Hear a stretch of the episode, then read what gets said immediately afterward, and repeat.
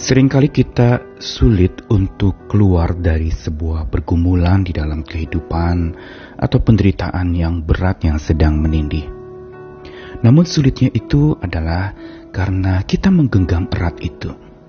Dan kita menjadikan segala penderitaan serta kesusahan yang kita alami untuk bukan sekedar menumpang di perasaan kita atau di hati atau hidup kita, tapi kita biarkan dia tinggal menetap Padahal sebenarnya dan sesungguhnya segala penderitaan yang kita alami itu hanya sekedar menumpang.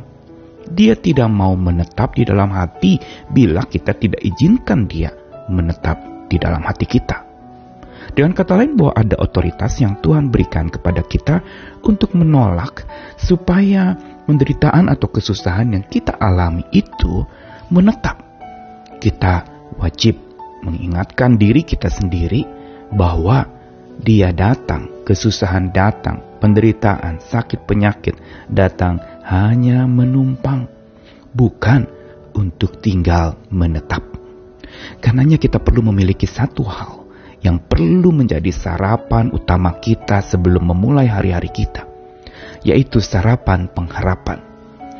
Itu adalah satu bekal yang membuat kita tidak pernah mengizinkan kesusahan hati kita atau masalah dalam hidup kita menetap.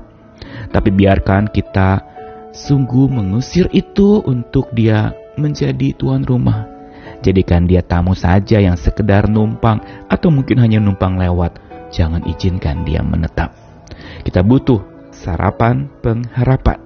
Saya Nikolas Kurniawan kembali menemani di dalam Sabda Tuhan hari ini dari surat Paulus kepada jemaat di Roma pasal yang ke-8 ayat yang ke-18 sampai 25. Sebab aku yakin bahwa penderitaan zaman sekarang ini tidak dapat dibandingkan dengan kemuliaan yang akan dinyatakan kepada kita.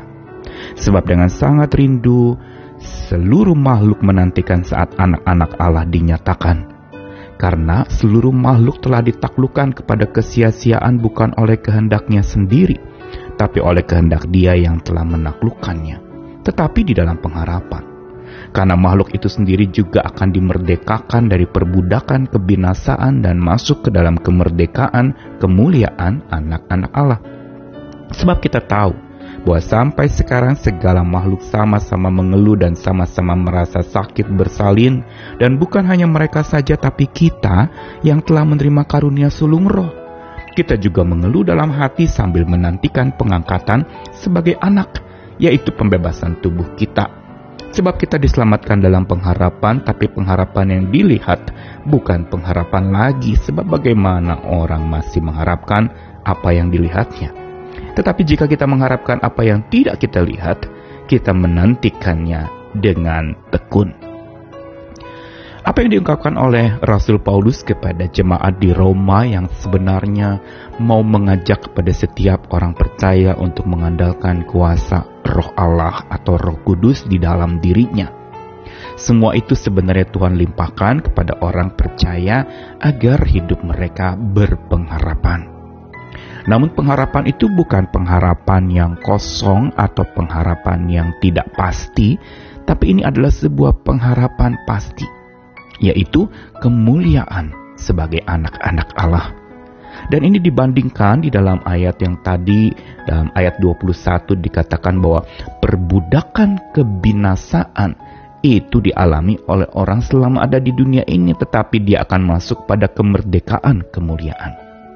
Berarti bahwa memang perbudakan yang bisa memperbudak hidup kita, entah itu lewat peristiwa, perasaan, pikiran, atau segala keadaan kita, itu semua dapat diatasi bila kita mempunyai pengharapan.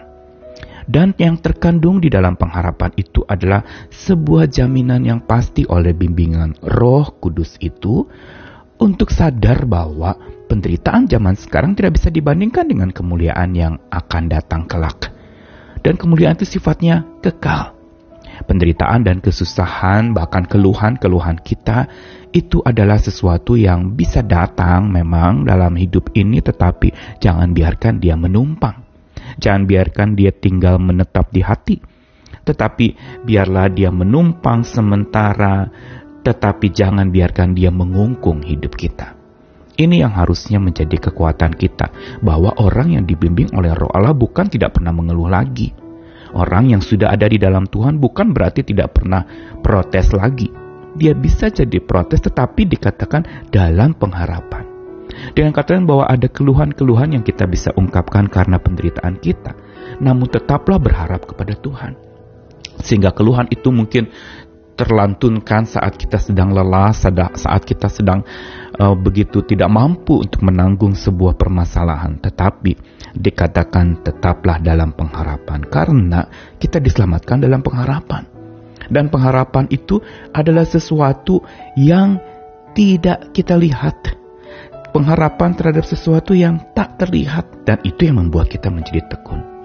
Tapi sering kali kita hanya mau berharap kepada hal-hal yang terlihat, Oh ya pengharapan saya adalah materi saya terpenuhi. Pengharapan saya adalah kebutuhan hidup saya itu bisa teratasi.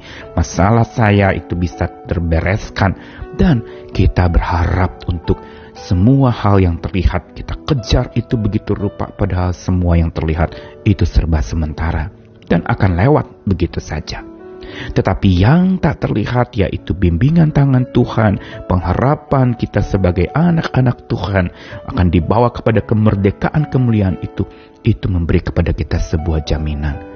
Seberapa berat pun masalah kita, seberapa susah pun penderitaan yang kita sedang alami, dan seberapa banyak pun keluhan yang kita ungkapkan, semua itu tidak dapat memudarkan pengharapan. Karena sesungguhnya pengharapan itu seperti sarapan yang kita asup untuk tubuh kita. Dan itu jadi bekal energi untuk kita melangkah menghadapi hari esok yang penuh dengan tantangan walaupun hari ini berat tetapi hari esok yang kita suci katakan punya kesusahannya sendiri. Mari hadapi semua dengan pengharapan. Dan semua pengharapan itu baru kita sadari bila roh Allah menyadarkan kita dan bila kita memberi diri untuk disadarkan oleh roh Allah Pelajaran kita hari ini adalah mau ingatkan kita, bila hidup berbekal sarapan pengharapan yang dari Tuhan dan di dalam Tuhan dan oleh Tuhan, maka kesusahan dan keluhan hidup kita hanya menumpang saja tanpa mengungkung. Dia hanya lewat saja, tapi dia tidak mau menetap dan jangan izinkan dia menetap. Kuasa Tuhan itu justru tidak henti menopang dan mendukung kita. Ini andalan kita. Mari tetap berpengharapan kepadanya, hanya dialah harapan kita. Jadikan itu sarapan setiap hari, mengasup iman kita bertumbuh di dalam pengharapan untuk selalu menunjukkan kasih Tuhan dalam setiap saat kehidupan yang masih Tuhan percayakan. Selamat sarapan pengharapan Tuhan mengasihi kita sekalian. Amin.